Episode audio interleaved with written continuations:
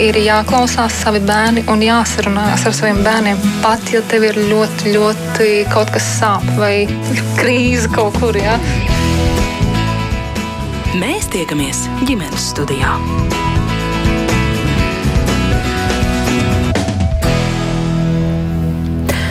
Labdien, rādījums ģimenes studija sāk savu skanējumu. Jūs sveicināta producents Sarmīta Kolāte un mans vārds ir Agnese Linka. Un šodien rādījumā mēs gribam parunāt par skolēnu apmaiņas programmām, kas ļauj bērniem no Latvijas dzīvot un mācīties ārzemēs, un arī ārzemju uh, viesa skolēniem un bērniem no citām valstīm kļūt par skolēniem šeit Latvijā un dzīvot šeit ģimeniskā vidē. Kādas ir dažādu ģimeņu pieredzes, kādi ir priekšnosacījumi, lai tas varētu notikt, kur un kāpēc vispār var doties. Un Kādi ir ieguvumi, grūtības, ar ko jāsastopas par to visu? Mēģināsim tikt skaidrībā šīs stundas laikā.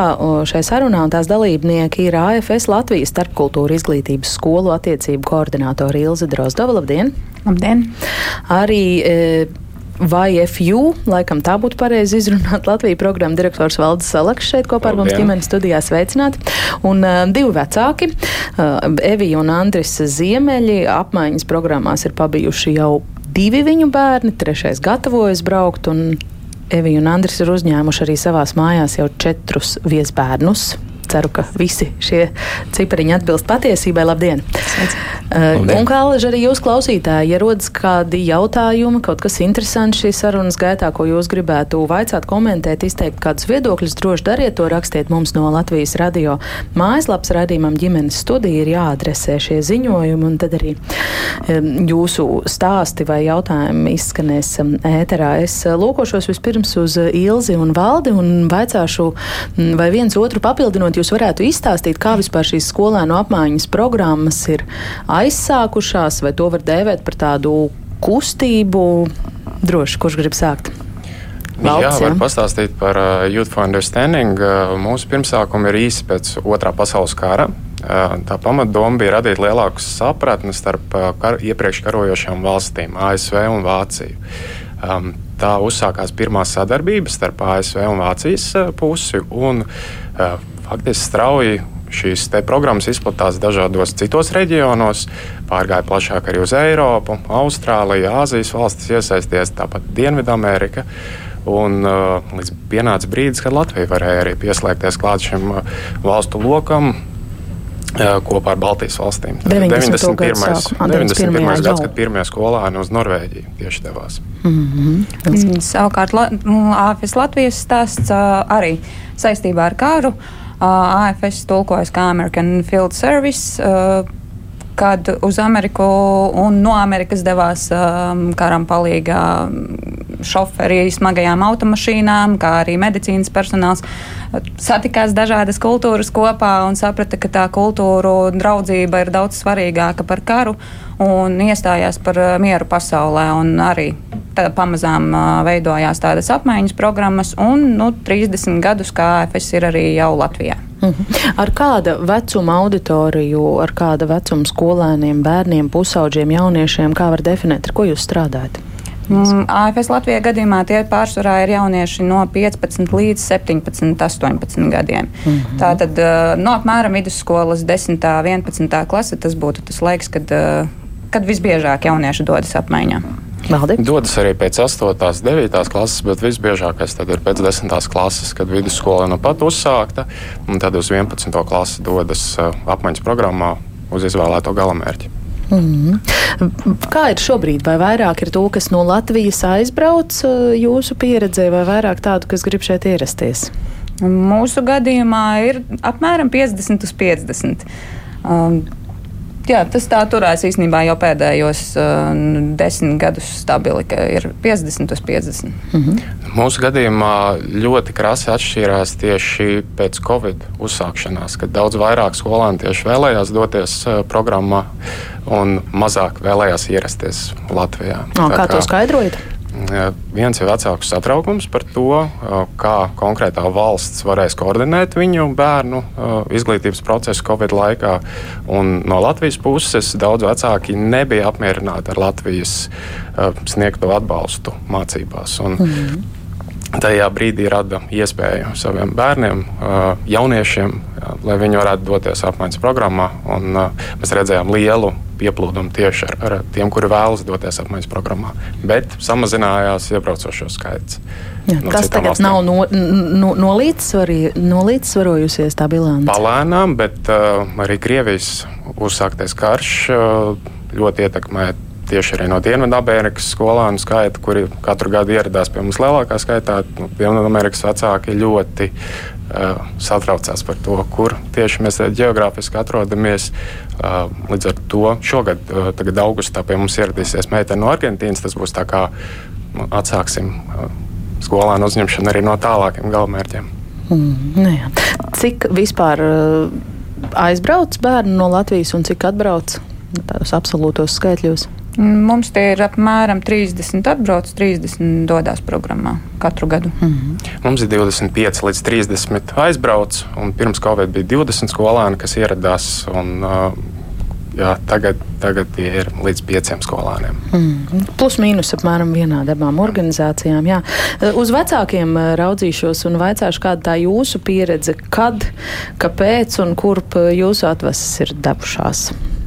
Droši viens otru papildinot. Jā, tā tad eh, patiesībā mēs sākām ar to ideju, ka mēs no sākuma uzaicinājām pie sevis. Aha. Tas jau bija tālēs 2017. gads, un, un, un Evijai radās tā ideja, ka mums vajadzētu tā teikt, nu, pieredzes apmaiņā uzaicināt kādu, kādu viesbērnu, un tad mēs uh, sākām ar mm, meiteni no, no um, Austrālijas, Austrālijas jā, Tēlija. Un, un, un bija interesanti pieredze, protams, kā mūsu bērnus to reaģēja. Bet, ja iet runa par mūsu bērniem, tad principā uzreiz gadu vēlāk mūsu vecākais dēls devās uz Ameriku devās uz Ameriku, un viņa pieredze bija pārsteidzoši laba. Tādā ziņā, ka mēs, ne, ne, nu, mēs nebijām domājuši, ka būs kaut kāda teiksim, tur, negatīva pārsteiguma vai vēl kaut kas, bet nu, teiksim, tā, tas, tas, tas notikums pārsteidz mūsu gaidas. Un, un, un tad pēc tam jau, jau sākās Covid un tam līdzīgi, un tad līdz ar to. Meita jau devās 11. klasē projām, tas bija vēl gadu vai divus vēlāk. Uh, Kā, tā, tas ir tas ceļš, ko mēs esam šobrīd nu, izgājuši. Tagad gatavojam jaunāko atvasi jau augustā sūtīt atkal projām uz Ameriku. Mm -hmm. Cik veci jūsu bērni ir šobrīd? Kārlim tagad ir 21 gads, jā, Ievai ir 18 gadi un Kristupam ir 16 gadi. Mm -hmm. Evī, kāpēc tajā 2017. gadā vai, vai kādu mirkli pirms jums ienāca prātā tā ideja, ka jāaicina vēl kāds ceturtais mūsu ģimenei? Pie tam no Austrālijas. Jā, tā Austrālija nāca nejauši. Man visu laiku kņudina kaut kas, ka ir jādara kaut kas jauns. Tad ir jāmācās valoda, tad jāsāk dziedāt korī, tad jādara kaut kas jauns. Un atkal šī kņudoņa parādījās 17. gadā, un es nezinu kā, bet man šķiet, sociālos tīklos pie manis izlieca vienkārši AFS eh, sludinājums. Man liekas, jā, šis varētu būt īstais. Nu, tāds kā drusku piedzīvojums, drusku kaut kāda aizrautības garša. Un es sāku runāt par to ģimenē. Vīrs jau te braši saka, ka mēs tajā 17. gadā visi pieņemam lēmumu. Nebija viegli. Mēs sākumā diezgan daudz diskutējām. Mani par pu... ko diskutējām? Nu, par to, vai vajag, cik tas apgrūtinās mūsu ikdienu. Puiši bija diezgan skeptiski sākumā. E, kā mēs, kur mēs gulēsim? Mums ir trīs bērni, katram savu guļamistabu tātad kādam ir jāsaspiežās, vai mēs esam gatavi dzīvot kopā, kā mēs aizbrauksim uz laukiem. Vīrs prasīja, mēs esam pieci jau tā ģimenē, nu, kur mēs to sesto bērnu liksim. Nu, nevis sesto bērnu, bet sesto cilvēku. Tad fiziski mēs ar mašīnu pat aizbraukt nevaram. Nu, šīs visas diskusijas, bet es tā lēnām, lēnām pilināju. Man likās, ka tas varētu būt iegūmi, varētu būt lielāki nekā varbūt tās, tās dažas lietas, ar kurām ir jāsadzīvo, un mēs pieņemam lēmumu, darām. Un par Austrāliju es pat nezinu, kā tas notika. Iespējams, ka mēs to lēmumu pieņēmām salīdzinoši vēlu. Un AFS mums piedāvāja šo meiteni, kad viņa šobrīd ir bez ģimenes, vai tas varētu būt tas bērns, ko mēs vēlētos arī savā ģimenē uzņemt. Un mēs teicām, jā, kāpēc ne? Mhm. Ko jūs tur izvērtējāt? Vai tas ir tas bērns, ko uzņemt? Mhm. Īstenībā tās anketas ir ļoti svarīgas, kuras mēs lasām un arī kur, kuras mūsu bērni aizpild. Tam patiesībā ir liela nozīme, jo arī Es pat īsti neatceros, ko mēs tur saskatījām, nu, teiksim, Tēlīs gadījumā. Ja?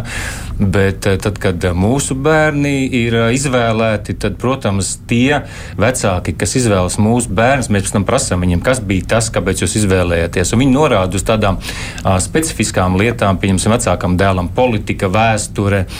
Uh, viņš tur vēl ambiciozi bija teicis, ka kaut kad vēlās kļūt par Latvijas prezidentu. Tas bija ļoti tēvam paticis, jo viņš arī ir ārkārtīgi politikā iesaistīts. Meitai bija e, zirgu sports un fotografija, kas bija tie atslēgas vārdi, kāpēc ģimene izvēlējās. Nu, tāda, nu, jā, un jaunākajam dēlam savukārt arī jau ģimene ir izvēlēta, un, un, un tur, tur ir sports un, un, un golfs un tādas Humors, lietas. Jā. Jā. Bet es domāju, ka mūsu gadījumā pirmo meiteni. Es domāju, ka mēs nebijām tādi sevišķi kritiski uz, un tajās anketās teiksim, mēģinājām saskatīt kaut kas tāds, kas varētu iet kopā ar mūsu ģimenes tradīcijām, ar mūsu ģimenes teiksim, kaut kādiem paradumiem. Ja? Un tad, kad tu saskati tās līdzības, tad tu arī pieņem to lēmumu. Jūs uh, kopā pavadījāt gadu ar šo pirmo viesskolnieku. Pusgadu. Tā Pusgadu. ir dažādas programmas. Mm -hmm. mums, mums ir bijuši četri bērni, mums ir bijusi, bijuši četru mēnešu programma, sešu mēnešu programma, un šobrīd ir bērns ar gada programmu. Līdz ar to Teilī kā pirmā bijusi pusgada programma. Mm -hmm. Kas ir tie ieguvumi? Kā jūs vispār sadzīvojāties? Mums tā pieredze ir attīstījusies. Jāatzīst, ka tā pieredze nevienmēr ir bijusi izcila, unikāla un lieliska. Jāsaka, ka nu, šobrīd mums ir franču meitene, kapusīna, pirms tam mums bija itāļu meitene, gaija, pirms tam mums bija Aņa no Šveices un pirmā mums bija Tēlija, kas nozīmē, mēs arī caur viesbērniem paši mācījāmies ļoti daudz, mūsu bērni ļoti daudz mācījās, un ar Tēliju bija ļoti daudz lietas, ar kurām mums sākumā bija jāsarot. Pirmkārt, ļoti liels arī gan kultūras atšķirības, gan gan, gan tādas lietas, par ko mēs sākumā pat neiedomājāmies, ka tas mūsu ikdienā spēlēs tādu lielu lomu, kā piemēram kaut kādas tīrības lietas, istabas kārtības lietas, ēšanas paradumi, e, veselības kaut kādas lietas, e, varbūt arī tāda, tāda, tāda iekšējā sajūta, nomāktība kādreiz ilgas pēc saules, kā piemēram Austrālijas gadījumā un Latvijas gadījumā, kad meitene ieradās pilnīgā ziemā no, no plus 30 uzreiz tajā gadā bija mīnus 30 grādi, kad cilvēks arī sniegu nebija redzējis. Un mēs ar daudzām lietām tiešām pat nebijām nu, domājuši, kā tas būs, kā mūsu bērni reaģēs. Un, un sākumā ar tēlīm mums nebija viegli. Mums nebija viegli. E, mums bija ļoti labs gads, un tā pieredze bija lieliska. Es domāju, ka tieši tas, cik mēs esam, e, gan, gan tās pēdējās draudzības ir attīstījušās, ka mēs tiešām turpmāk arī ar ģimenēm draudzējamies, ka mēs pie itāļu ģimenes esam arī jau viesos bijuši. Viņi pie mums šogad Amerikas ģimene arī brauc pie mums. Ir izveidojušās ļoti ciešas attiecības, bet viņas ir gājušas bieži vien caur, caur, caur tādām arī grūtībām, mācībām. Pat, pat varbūt ne grūtībām, bet mācībām. Jā. Un tēlīs gadījumā, jā, tur bija diezgan daudz, ar ko mēs, mums nācās uh, sadzīvot un pie kā mums nācās pierast. Un, starp citu, tie bērni ļoti, ļoti parādīja mums, mūsu pašus, kas mums, mums, kas mums patīk, kas ir mūsu sarkanās līnijas, kas mūs kaitina. Un caur to visu mēs esam gājuši, gājuši tam visam cauri. Jā. Jā. Jau aizraujošs šis uh, ieskats. Iesaistīsim arī kādu pašu braucēju. Mm, dažus jauniešus šīs dienas redzījumā mēs dzirdēsim. Pirmā no tām būs Marta. Mm, jā, viņa padalīsies ar mums savā stāstā. Paklausīsimies. Manā mamma strādā Rīgas franču licejā, un tad viņa man visu laiku stāstīja par uh, jauniešiem, kas devās uz Franciju. Tur mācījās vēl veselu gadu, un tad es biju maziņa, un es klausījos to visu. Un man šķita ļoti, ļoti jauki. Un tad man vienmēr bija tāda sajūta, apziņa, ka es došos apmaiņas gadā. Un es nomācījos desmit gadus Rīgas franču licejā, un tad ar salīdzinoši labām franču valodas zināšanām, es aizbraucu uz Franciju. Kuru klasi tad sanāca tur pavadīt? Tur es mācījos 11. klasē. Un tad es arī šobrīd esmu brīvprātīgais AFS. Tas paver tādu jaunu skatu uz dzīvi un uz citām kultūrām, kas uzreiz ir ļoti, ļoti laba pieredze. Uzreiz bija skaidrs, ka tā būs Francija. Ja? Nu, jā, nu jau nu, Rīgas franču licējs, desmit gadi. Tad, nu, tā kā man bija ļoti labas zināšanas, nu, nu, Francija man liekas, bija tāds man vistuvākais sirdī. Sākumā ir tā, ka ir jā, jāizpild dažādas anketas, jāraksta par sevi. Sākot ar hobijiem, ko tu ēd, kas tev patīk, kas tev nepatīk, un to, ko tu vēlēsies sagaidīt no šī apmaiņas gada. Tu vari izvērsties ļoti plaši. Tad pēc kādiem pāris mēnešiem viņi tev paziņo, ka viņi tev ir atņuši viesģimeni. Un nu, man viesģimene bija ļoti jauka. Zini, kā ir tāda sajūta, nu, liekas dīvaini, ka tu tagad dzīvosi veselu gadu pie svešiem cilvēkiem. Tie pirmie mēneši likās tādi visgrūtākie, jo tev ir jāpiešķir sev iejusties tajā viņu ikdienā un, un viņu dzīvē, bet tas arī ir ļoti labs veids, kā iepazīt šo citu kultūru. Man viesģimene mēs visu laiku visu darījām kopā. Mums bija vakariņas septiņos vakarā, kas ilga vismaz kādu stundu, divas, un tad mēs runājām. Man bija māsiņa, kas bija nu, apmēram manā vecumā, viņai bija 15, un mazais brālītis, kuram bija 12. Viņi vēlējās, uh, lai viņu meita dodas apmaiņas gadā. Bet uh, nu, šī meita viņa, viņa īsti negribēja. Un tad uh, jā, viņi domāja, ka arī labs veids, kā iepazīt šo citu kultūru, ir uh, uzņemot pie sevis kādu citu. Kas bija tā mācība iestāde, kur jūs nonācāt? Um, es nonācu privātā licejā. Man, man šķiet ļoti interesanti, jo es nekad nebiju mācījusies privātajā skolā. Un, tās mācības bija tādas sākumā nedaudz ar kalniem, teiksim tā, ar daudz vakariem, kuros sēdēju un daudz mācījos un skatos uz visām tām lapām. Un, un, un ir kā ir. Bet jā, ar laiku jau pierod pie tās valodas.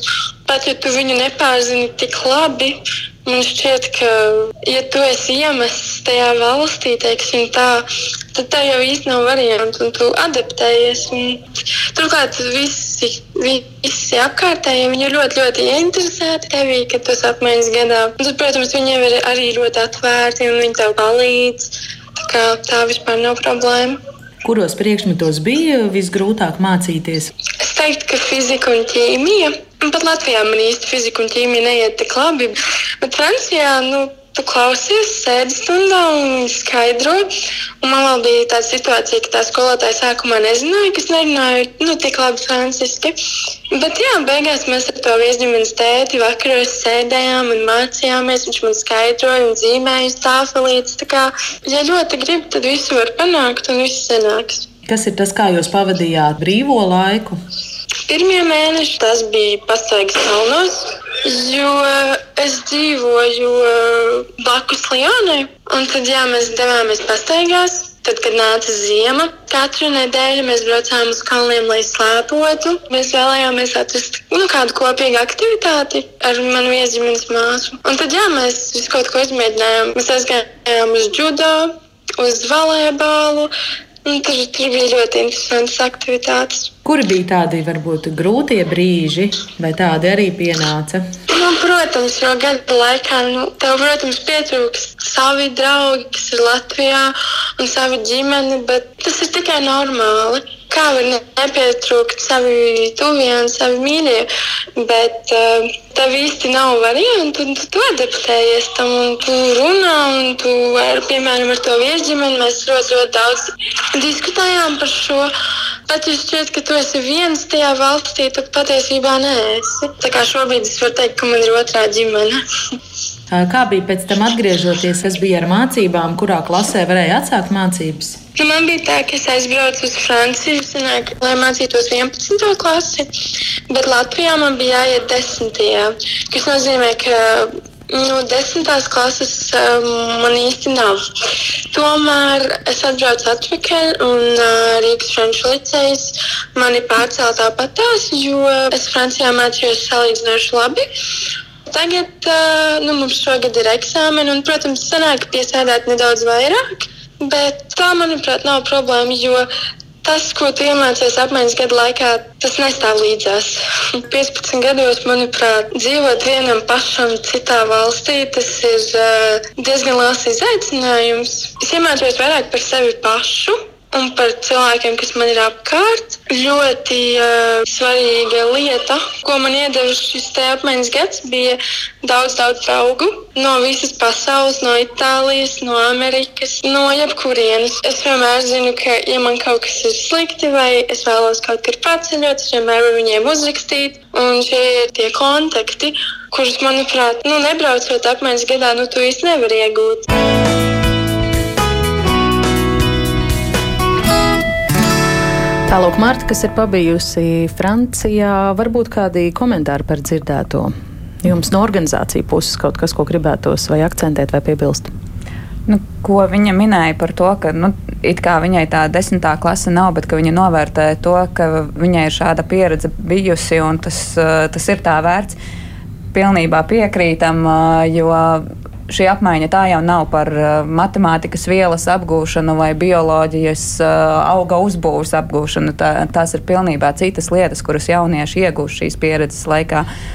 Tā kā prieks par Martu un viņas pieredzi. Un, un, un šī pieredze viņai ļoti palīdz arī tagad Latvijā. Viņa tāds viens no labajiem stāstiem, ko Latvijā esot.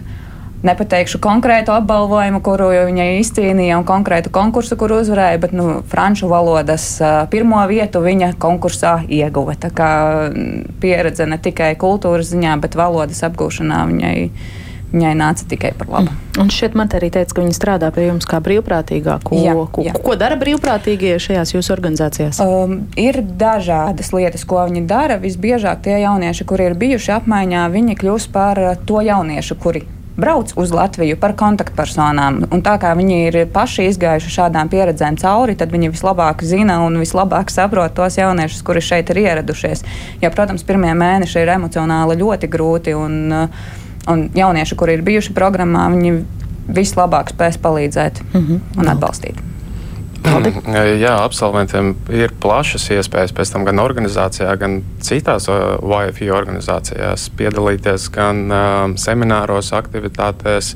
Nu, pat kā mūsu absolvents atgriezās no Briseles, kur, kur piedalījās se seminārā. Varēja daudz jaunas zināšanas apgūt saistībā ar Eiropas parlamentu.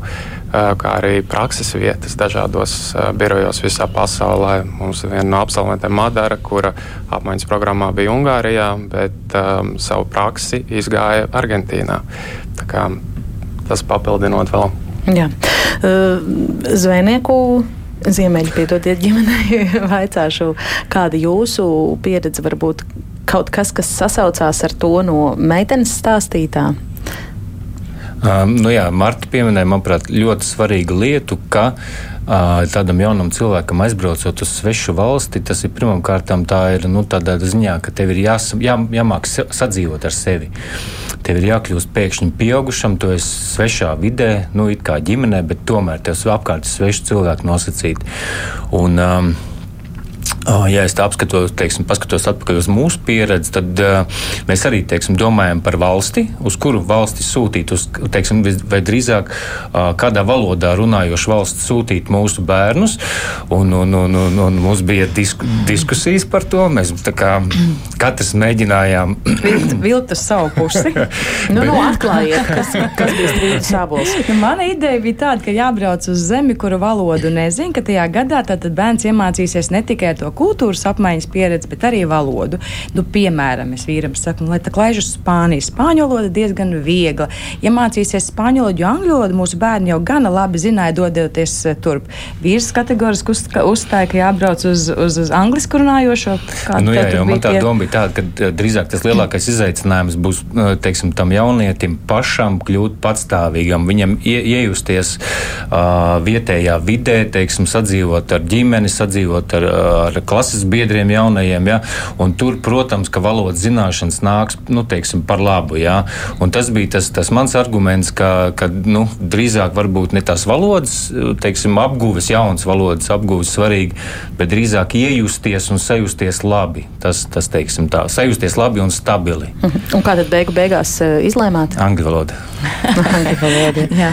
Puišu, puišu flanks vinnēšana. Jā, jo, jo mēs skatījāmies tad angliski runājošās valstis un un um, izsvērām dažādas, dažādas iespējas, gan no attāluma ziņā, gan no piedāvātajām, teiksim, cik, cik, tās, cik tās vietas uz katru konkrēto valsts, cik var doties. Tad um, ASV ņēma virsroku, jo tur bija teiksim, tā iespēja teiksim, nu, jā, doties un mācīties. Mm -hmm. Kāda ir tā ģimenes motivācija teiksim, uzņemt skolēnu no Latvijas? Nu, šajā gadījumā jums, jūs pamēģinājāt to vienu reizi, pēc tam otro, un trešo un ceturto reizi, var teikt, iegājāt azartā, kā ir ar tiem uh, ārzemniekiem. Nu, ļoti bieži ģimenei motivē tas, ka viņi līdzīgi kā ziemeļu gadījumā, ka viņi domā, ka varbūt savējo pēc pāris gadiem varētu sūtīt. Un, un tad redzēt to pieredzi no otras puses, redzēt, kam tas jaunietis, kam viņa bērns varētu iet cauri. Otra ļoti populāra grupa ir arī valodas apguve. Piemēram, ģimene zina vācu valodu, nu, paņems jaunieti no Vācijas, vai zina mazliet franču valodu, uzlabosim franču valodas zināšanas un paņem jaunieti no Francijas. Mm. Ir gadījumi, kad bērni jau ir izauguši, un mājā ir pietiekami daudz vietas, lai uzņemtu kādus apmaiņas skolēnus, dažkārt pat divus no dažādām valstīm. Līdz ar to, to ko viņi ir iemācījušies audzinot savus bērnus, var tālāk arī nodot citu valstu jauniešiem. Un tas kļūst tā kā hobijs. Un, um, citi nodarbojas ar sporta veidiem, mākslu, citi arī uzņem apmaiņas skolēnus paralēli vēl citām aktivitātēm. Mm -hmm. Kādai, kā jūs definējat, kādai jābūt viesģimenei? Taisnības labad par iepriekšējo jautājumu vēl jāsaka, ka mēs tā apzināti izvēlējāmies vienu bērnu, pirmo tēlīju, pārējie bērni mūsu ģimenē nonāca nejauši. Un nonāca, mēs bijām tā kā pagaidu ģimene. Katrā, katrā gadījumā tur bija cits, cits, cita situācija. Bērns mainīja ģimeni, kas arī šeit ir tāda, tādas situācijas notiek. E, vai tur bija covid, un tur kaut kādi covid apstākļi, kur, kuru dēļ bērns nonāca mūsu ģimenē, nu, par ko mēs esam tikai ļoti, ļoti priecīgi. Un, un, un, e, bet kādai ir jābūt ģimenei? Nu, es teiktu, tā, ka ģimenei jābūt ieinteresētai tajā bērn, bērnā, jā, jo, piemēram, tā, tā mūsu Amerikas Vecāka pieredze ir tāda, ka, piemēram, vecākiem dēlam bija ģimene, kura teica tā, ka viņi, nu, arī salīdzinoši gados cilvēki, ja, bet viņi, salīdzinot ar saviem draugiem, vēl ir ļoti jauni. Un līdz ar to viņiem ir vajadzīga jauna kompānija. Un tad viņi katru, katru teiksim, nedēļas nogalu tur devās pārgājienos, brauca laivām un, un tam līdzīgi. Ja. Jāpiebilst, ka tieši Kārļa Amerikas ģimenes vecāki jā, bija 65 plus vecumā, bet viņi uzņēma, manuprāt, 13. Kārlis bija 13 otrais apmaiņas bērns, kas nozīmē, ka viņiem katru gadu vai reizi divos gados bija jauns viesbērns. Un viņi patiesi bija, bija un ir ļoti, ļoti tādi friši un enerģiski. Mēs ar viņiem satiekamies, jo viņiem tāda brīnišķīga tradīcija, ka viņi tos savus 13 viesbērnus katru gadu pulcē kaut kur jaunā vietā. E, pagājušā gadā mēs e, tikāmies Islandē. Tas nozīmē, ka viņi uzaicina, ka viņi dodas ceļojumā uz Islandi, un visi viņu jebkad bijušie viesbērni tur satiekās. Un tā bija vienkārši fantastiska pieredze, kur mēs satikāmies ar, ar viņu viesbērnu no Itālijas, no Turcijas, no Latvijas, no Vācijas, kas nozīmē, ka sanāk kopā gan, gan vecāki uzņēmēji, gan tie, gan, tie, gan tie bērni, kas kaut kad ir ciemojušies šajā ģimenē. Mm. Bet, bet par to, kādai jābūt ģimenei, e, droši vien iecietīgai, manuprāt, tas ir ļoti, ļoti svarīgi. Atvērtai, jaunajam un neparastajam, bez tādiem ļoti stingriem aizspriedumiem. E, mūsu gadījumā palīdz tas, ka mēs esam aktīvi, e, ka mēs paši labprāt daudz kur dodamies. Jo, manuprāt, tādā veidā mēs bērniem varam daudz ko dot e, vairāk, gan teātris, gan operas, gan ekskursijas, gan ceļojumi. Man liekas, ka tas ir tāds pienesums. Un, un, um, Nu, tāds drusciņš ar tādu vieglumu, un, un, un joku un humoru daudz ko var, var, var atrisināt, vai daudz ko var eh, labi sakārtot tajās attiecībās. Jā. Mm -hmm. Ko jūs vēl papildināt par kritērijiem? Kādiem kritērijiem jāatbilst viesu ģimenei? Jābūt sirsnīgai un, kā jau iepriekš minēts, eh, atvērtiem, jaunai pieredzēji, eh, jauniem cilvēkiem un tiešām aktīvi to apmaiņas programmu arī pavadīt ar pašu jaunietu un parādīt uh, Latviju. Um, iepriekš minēju arī par ASV, cik viņiem tas ir populāri uzņemt apmaiņas skolēnus. Mana viesģimene, kurā es savulaik arī dzīvoju, dodoties uz ASV apmaiņas programmā, viņi savu karjeru noslēdz 48 skolēnus uzņemot. Es viņiem biju 26.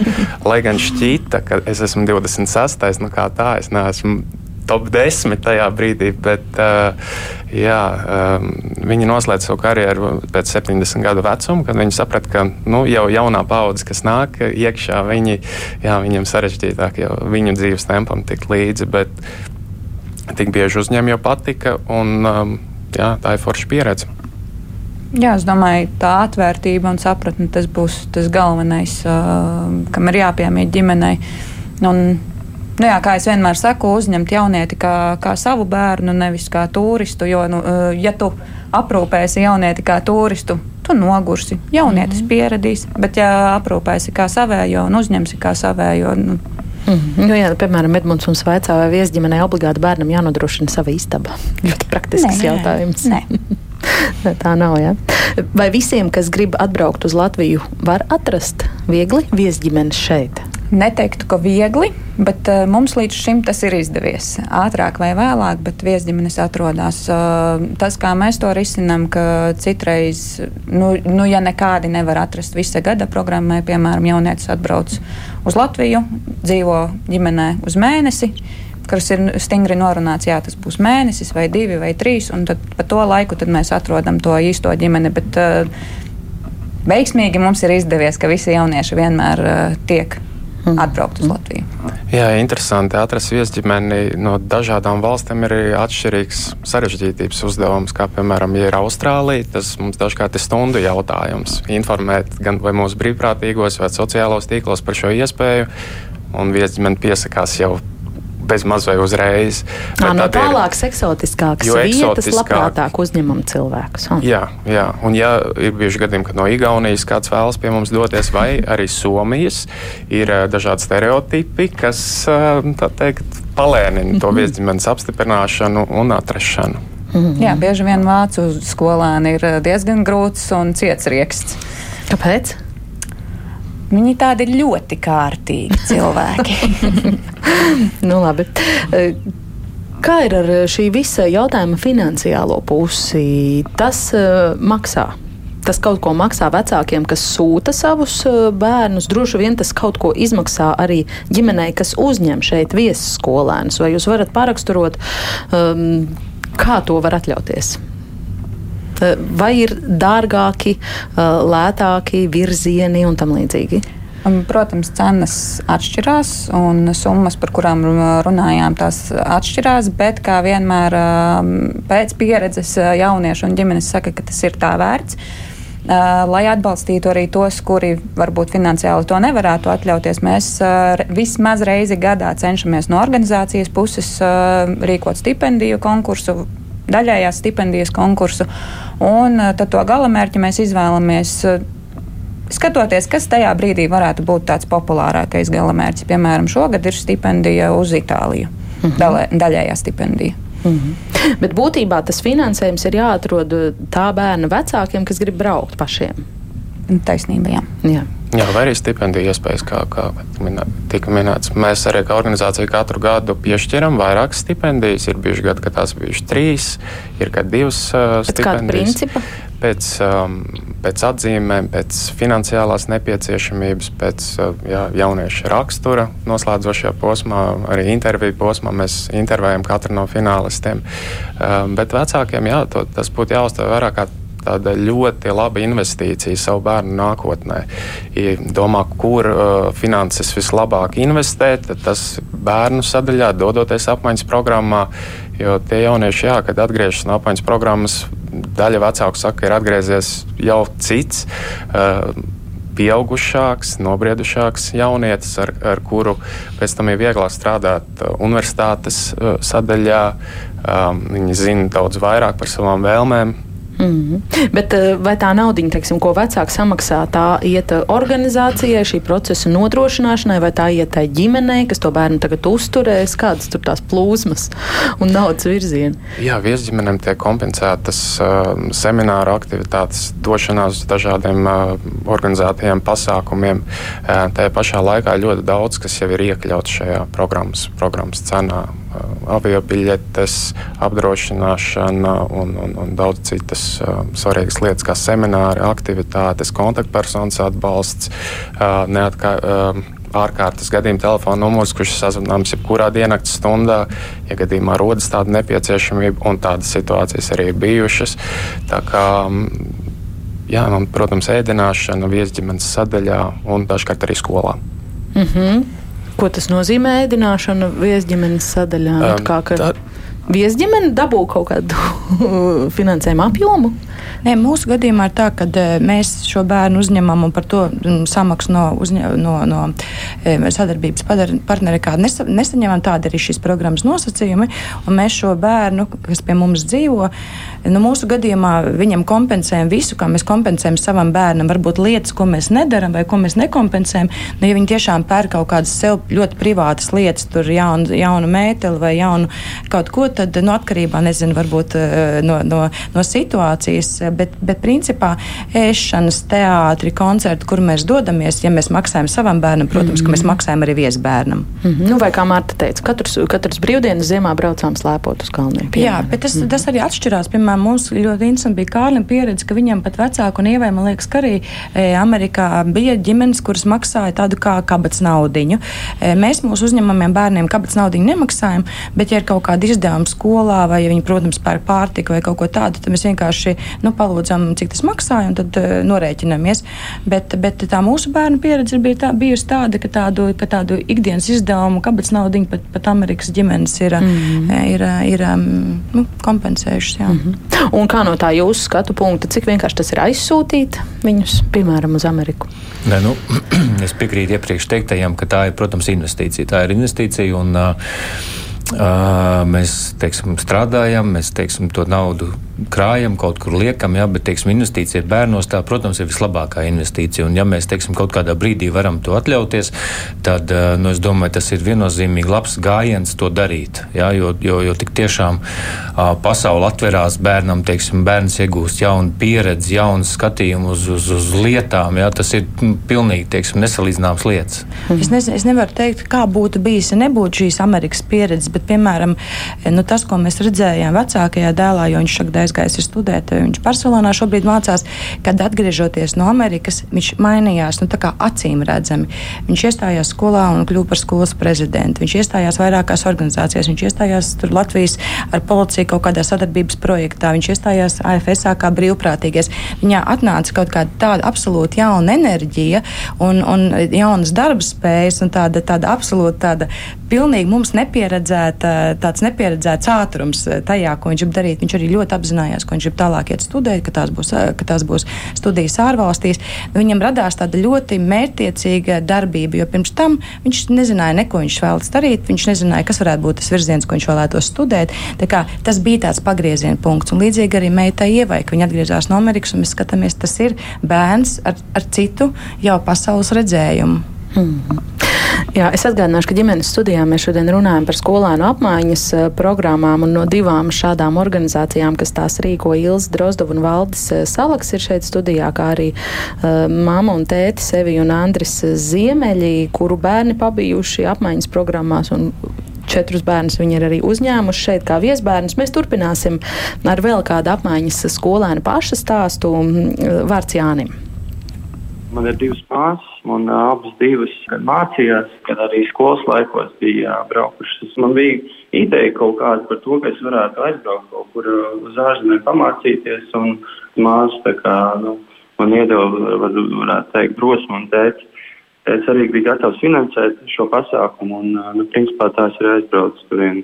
Kurš mācību gads, kura klase tā bija? Es tur mācījos 12. klasē. Kāpēc tieši šajā brīdī tika pieņemts lēmums? Bija tā, ka es gribēju jau 11. klasē, bet uh, uznāca Covid. Mēs ar ģimeni vienkārši izdomājām, ka drošāk būs braukt gadu vēlāk. Kā jūs izvēlējāties, uz kurieni braukt? Es nevarēju vispār izvēlēties. Es uh, vienkārši uzrakstīju vēstuli par sevi un uh, VIPU principā atradu šo viesģimeni. Un man tā sanāca, ka uh, man izvēlējās uh, viesģimeni no Minnesotas. Tas nozīmē, ka valsti arī pats. Valsts, nē, valsts, valsts, valsts, protams, varēja izvēlēties, bet tikai konkrētu vietu štāstu. Par to man nebija nekāda teikšana. Vai jūs varat izstāstīt, kādas bija tās sajūtas šim gatavojoties? Biju, protams, mazliet satraucies, bet principā ļoti ātri uzzināju, kas būs man iezīmēni. Mēs sākām arī kontaktēt Latvijā, un tas viss tas sagatavošanās process bija ļoti īss. Kāda bija šī ģimene, pie kā jūs nonācāt? Man bija diezgan unikāla pieredze. Es dzīvoju tikai pie viestēva, un arī man bija viesbrālis no Vācijas, arī apmaiņas programmas students. Mēs uh, visi ļoti labi sadzīvojām, principā. Kā nebija pilnīgi nekāda problēma, ka man ģimene bija mazliet unikāla. Ļoti daudz ceļojām, uh, bijām uz daudz dažādiem štatiem. Un, nu, jā, diezgan daudz arī laika pavadījām kopā. Mācījos es uh, skolā, 12. klasē. Uh, man bija tā, ka uh, autobus piebrauc pie pašas mājas durvīm. Septiņos no rīta aizsācu skolu. Man katru dienu bija sešas stundas. Četri priekšmeti bija obligāti. Tas bija matemātika, angļu valoda, vēsture un, un ķīmija. Un tad es varēju izvēlēties daudz dažādus uh, interesantus priekšmetus, kā es izvēlējos mašīnu būvu, tur kulinārijas klases, dažādas sporta veidus spēlēju. Sporta veidi mainījās pa gadu laikiem. Pavasarī spēlēja amerikāņu futbolu, ziemā bija distanču slēpošana un pavasarī gols. Un tas viss bija caur skolu. Matemātika, ko es mācījos, principā bija jau viss apgūst, kas tur bija. Bet uh, man visvairāk uzrunāja nu, šī mašīna būvniecība, ka mēs varējām jaukt visās uh, mašīnas motors un kulinārijas klases. Un arī, protams, to daudz ko iemācījos Amerikas vēsturē. Nu, salīdzinot ar manu skolu, kurā es mācos tagad, skolas nebija tik liela, bet Amerikā ir interesanti tas, ka var pats izvēlēties, kādā grūtīgas pakāpē mācīties šos visus priekšmetus. Līdz ar to es izvēlējos to kā, optimālo līmeni, jo es biju ļoti aizņemts ar ārpusskolas aktivitātēm. Es pieņemu, ja es ņemtu tos AP, Advanced Placement klases, tad, tad būtu daudz grūtāk. Nu, tas ļoti atšķirās, kurā skolā, cik skola ir liela, izglītība var ļoti atšķirties. Es, dzīvoju Minneapolisā, diezgan lielā pilsētā, suburbos. Tā skola attiecīgi arī bija ļoti liela. Bija kaut kādi 3000 skolēni, un skola bija faktiski nu, vidusskola tikai no 9. līdz uh, 12. klasē. Līdz ar to es domāju, viņiem ir daudz finansējumu, piedāvā daudz dažādas ārpusskolas aktivitātes, daudz dažādas arī papildus interesants priekšmets. Kā jūs pats bijāt sev definējis, kas bija tas mērķis uz turieni braucot un vai to izdevās piepildīt? Mērķis bija kaut kā uzsākt, kaut kā patstāvīgu dzīvi lēnām un uh, arī apgūt uh, angļu valodu. Es teiktu, ka šie abi mērķi bija nu, gandrīz izdevušies angļu valodu. Es ļoti labi pilnveidoju un man sanāca tā, ka man vajadzēja atkārtot šo mācību gadu, jo vienkārši Latvijas man skola neļāva, neļāva aizvietot uh, to gadu Amerikā tāpēc man nācās to 12. klasu atkārtot. Es noteikti ieguvu daudz dažādus draugus, ar, ar kuriem vēl joprojām uzturu kontaktus. Es personīgi esmu diezgan tāds aizvērts cilvēks, un man nācās kaut kā no nu, pašam cīnīties, un es, es, es, es noteikti esmu kļuvis vairāk pašpārliecinātāks. Tas um, kaut kā palīdz noteikti atrauties no vecākiem. Tagad es nolēmu doties tālāk mācīties Nīderlandē, tad jau uzsākšu principā pastāvīgi dzīvi. Ja vēl kaut kā mm, es lūgtu raksturot tos uh, grūtos brīžus, kas bija šī mācību gadu laikā? Nu, protams, tas, ka, man liekas, tas raksturīgākais izaicinājums, kas ir katram apmaiņas studentam, kurš aizbrauc ļoti tālu prom no mājām, ir tas, ka vienā brīdī tās mājas noteikti pietrūks ģimene un draugi, un tāpēc ir ļoti svarīgi piepildīt to laiku, cik vien var ar, ar, ar daudz dažādām aktivitātēm, piedalīties, nezinu, ģimenes dzīvē, pavadīt ar viņiem laiku kopā, būt atvērtam skolā, mēģināt atrast draugus un līdz ar to, ja tas izdodas, tad tā šī sajūta pazūd vienkārši. Tagad atgriežoties, nav tāda vilšanās vai kaut kāds rūkums par to, ka jāmācās vēlreiz 12. klasē? Nē, nu, protams, tā bija pašā sākumā, bet citu variantu vienkārši nebija. Nu, es varēju palikt Amerikā, bet neizdevās ar sportu un uh, izdomāju atgriezties Latvijā. Bet, nu, mācību gads jau gan beidzies. Ir, un...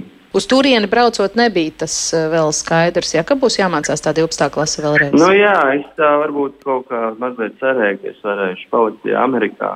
Es daudz pazīstu, kas, kas paliek tur ar, nu, ar sportu, bet man tas neizdevās vienkārši. Tāds lūk, Jāņa stāsts, un ja mēs salīdzinām ar Martu, kas runāja vairāk raidījuma sākumam, iesākumā, tad, tad mēs redzam, ka ir šīs dažādās pieredzes, kā skolēni integrējas atpakaļ Latvijas izglītības sistēmā, kurā klasē tiek iesaistīti, kā turpina pabeigt vidējo izglītību. Uz īsu brīdi no Izglītības un zinātnes ministrijas izglītības departamenta vecākā eksperta Olita Ārkla šobrīd arī pievienojas šai sarunai ģimenes studijā. Labdien! Labdien. Mēs gribam vaicāt, kāpēc dažādu bērnu dažādi gadījumi atšķiras un kā vispār tiek pielīdzināta mm, ārzemēs iegūtā izglītība salāgota ar to šeit Latvijā un kas nosaka to, ka viens atbrauc pēc 11. klases un mm, nemācās bet nu, te, teiksim, viens tiek pārcelts uzreiz nākamajā klasē, cits mācās vēlreiz to pašu mācību gadu, to pašu klasi.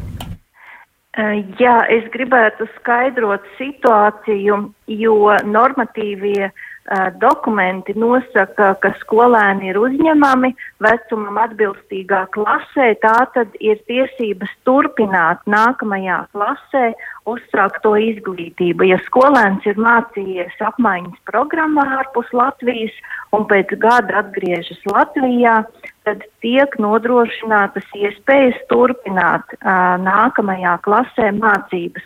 Uh, dzirdot iepriekšējā sižetā stāstīto, tad varbūt uh, rosinājums būtu sazināties ar skolu jau iepriekš, dodoties prom, jo problēma varētu rasties tādā gadījumā, ja nav mācīts kāds mācību priekšmets, piemēram, latviešu valoda vai kāds cits, un atgriežoties vasarā īsi pirms eksāmeniem, nav laika nokārtot šo mācību priekšmetu, iegūt vērtējumu, jo, lai saņemtu apliecību vai atestātu par ārzem, par izglītību Latvijā, ir nepieciešami vērtējumi katrā mācību priekšmetā, kas ir noteikts standartā. Tā varētu būt tā problēma, kā ir lūgts atkārtot mācību gadu vēlreiz, bet es gribētu teikt, ka tā nav labā praksa jo, jo mūsu uzstādījums ir tāds, ka uh, ir jāņem vērā ārzemēs iegūtā izglītība un atgriežoties Latvijā nav nepieciešams tulkot izglītības dokumentu, nav nepieciešams vērsties akadēmiskās informācijas centrā un lūgt izziņu par izglītības pielīdzināšanu. Tieši otrādi ir jāsazinās ar skolu un skolas direktors pieņem lēmumu par uzņemšanu atpakaļ izglītības iestādē, kurā ir iepriekš mācījies skolēns, bet uh, vienlaikus jāsaka, ka skolas direktors arī pieņem lēmumu par to, kuri mācību priekšmeti ir apgūstami papildus, tie, kuri nav mācīti laikā, kad skolēns mācījās citā valstī. Tad uh, es gribētu teikt, ka šī ir. Uh, tā, tā lieta, kuru noteikti ir jāizrunā iepriekš, dodoties prom, lai atgriežoties atpakaļ, tad nebūtu kādi robi un nebūtu problēmas dēļ, kā ir, piemēram, tad jāpaliek vēl vienu mācību gadu. Un to, ko mēs turpmāk vēlamies mainīt, mēs plānojam grozījumus ministru kabineta noteikumos numur 11 par kārtību, kādā skolēni tiek uzņemti izglītības programmās, jo mēs vēlamies noteikt, ka skolēniem, kuri atgriežas no apmaiņas programmām, tiek nodrošinātas iespējas iestāties un turpināt izglītību tajā pašā izglītības iestādē Latvijā, kurā mācījās skolēns pirms tam. Lūk, paldies! Paldies Olitai Arklē no Izglītības zinātnes eh, ministrijas. Vai jūs varat īsi vēl paraksturot, kāda ir mūsu skolu motivācija uzņemt viesskolēnus? Jums ir vērtējums šim? Tā pilnīgi noteikti ir vienkārši cita kultūra. Jo mācās ne jau tikai tas ārzemju viesskolēns Latvijā, bet mācās arī Latvijas skolēni to, to ienākušā mm. skolēna kultūra. Mūsu skolas ir atvērtas īsi jautājot. Jā, jā. ļoti atvērtas. Jā. Jā, jā. Vēl mēģināšu ar kaut kādiem pāris klausītāju jautājumiem, jo laika maz un tie daudz un interesanti. Vai ir bijuši gadījumi, kad programma jābeidz pirms laika, jo jaunietim tas viss ir par grūtu tīri psiholoģiski Ilza vaicā? Apmaiņas programmās ir atbalsta personāls, ar kuru ikdienā var komunicēt sarežģījumu gadījumos. Līdz ar to mēs samazinām procentu, kuriem neizdodas šī apmaiņas programma. Bet, protams, ir gadījumi, kad Un, bet par laimi tas ir mazs procents, kur jaunieši saprot, ka izvēlētā programma nav viņiem domāta. Un, lai ko mēs darītu no programmas puses, ja pats jaunietis ir izdarījis izvēli, vecāki to apstiprina, tad notiek atgriešanās mājās. Nu jā, un būtiski pārkāpumi, manuprāt, tas ir tas, par ko var eh, atgriezt atpakaļ bērnu. Mums tikko stāstīja viesģimene, kur mums uzņemas tagad Kristapa Amerikā. Viņiem arī jau kaut kāds desmitais bērns tiek uzņemts. Viņi teica, ka viņi vienu no saviem bērniem ir atgriežuši atpakaļ, jo tur bija nu, alkohols, narkotikas vai kas tam līdzīgs, kas, protams, ir pilnīgs tabū. Tātad tas ir mhm. pārkāpums, kura dēļ bērns tiek atgriezts atpakaļ mm. savā zemē. Kā arī izmešana no skolas, ja gadās situācija, kad jaunietis tiek atskaitīts no izglītības iestādes, automātiski programma noslēdzas. Jo tā ir tomēr izglītības programmu. Mm. Starp citu, vai ir iespējams prognozēt, kādā skolā tas mans bērns ārzemēs nonāk, vai tas ir tāds sarežģīts process, kur viesģimene viņu izvēlas, un tad, nu, kur nu viņi tur viņu ieliek, tur arī viņš mācās. Nu, Marts gadījumā tā bija privāta skola, uh, privāts licējs, viņa teica. Kādam Jā, mūsu gadījumā pirmā nāk viesģimene. Un tad, un tad izējot no viesģimenes, tāda viņi var piedāvāt, tāda, nu, tad jā, būs. Jā. Vai tas būs bērnu skola, vai tā būs vienkārši pēc lokācijas tuvākā skola? Mm -hmm. Tuvākā kvalitatīvākā skola, tas ir tas primārais skatījums. Mm -hmm. Mēģināsim ļoti īsi, bet uh, Roberts mums raksta, ka viņam ir ļoti slikta pieredze. Neminēšu ar kuru, bet ar vienu no šīm organizācijām, jo meita vēlējās doties uz ārvalstīm, bet bija nopietna vēlēšanās, lai būtu pieejama dejošana, un organizācija teica, ka jā, nav problēma, tādu atradīs. Pēc tam sazvanījām piedāvāto ģimeni, bet saistībā ar dejošanu bija tikai tik daudz, cik pusgadā aizvest uz kādu deju koncertu. Tas mūs neapmierināja. Tad organizācija saprata, ka tomēr nevar mums piedāvāt solīto, bet skumjākais tas, ka par to visu mums vajadzēja samaksāt, ko organizācija paturēja sev.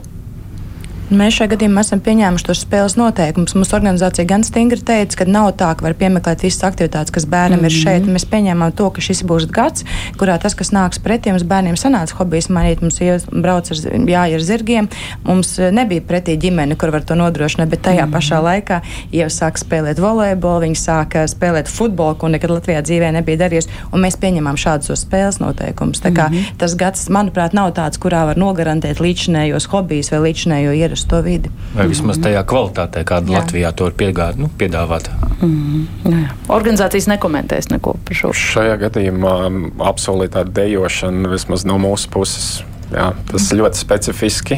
Ja tā ir Amerika un ir interese par basketbolu, futbolu, volejbolu turpināšanu, tā, protams, ka visticamāk būs iespējama. Bet tāds garantijas par kādiem, kādām ārpusskolas aktivitātēm tādas nesniedzam. Mm -hmm. Alise mums raksta, pilnīgi piekrītu, ka jābūt vismaz kaut kādām valodas zināšanām, citādi sveša valsts, sveša vide, un ja negribi, lai mācību ziņā tas laiks aiziet pa tukšo, ja es iesviests pilnīgi svešā valodas vidē, tad nu, tas var izvērsties emocionāli pārāk smagi. Un vēl kāda mamma vaicā, vai apmaiņas programmās bērni gūst labākas zināšanas kā Latvijā, jeb viņi tur tikai ierauga, ierauga citu dzīvesveidu, gūst draugus citās valstīs. Latvija bērni bērniem dod to, kas viņiem šeit ir un būs nepieciešams, bet vai braukšana nerada prāta nemieru, un bērni Latvijā vairs nevēlas dzīvot. Šeit vairāk kārt ieskanējās, jā, aizbrauc apmaiņas programmā, pēc tam došos studēt uz ārzemēm.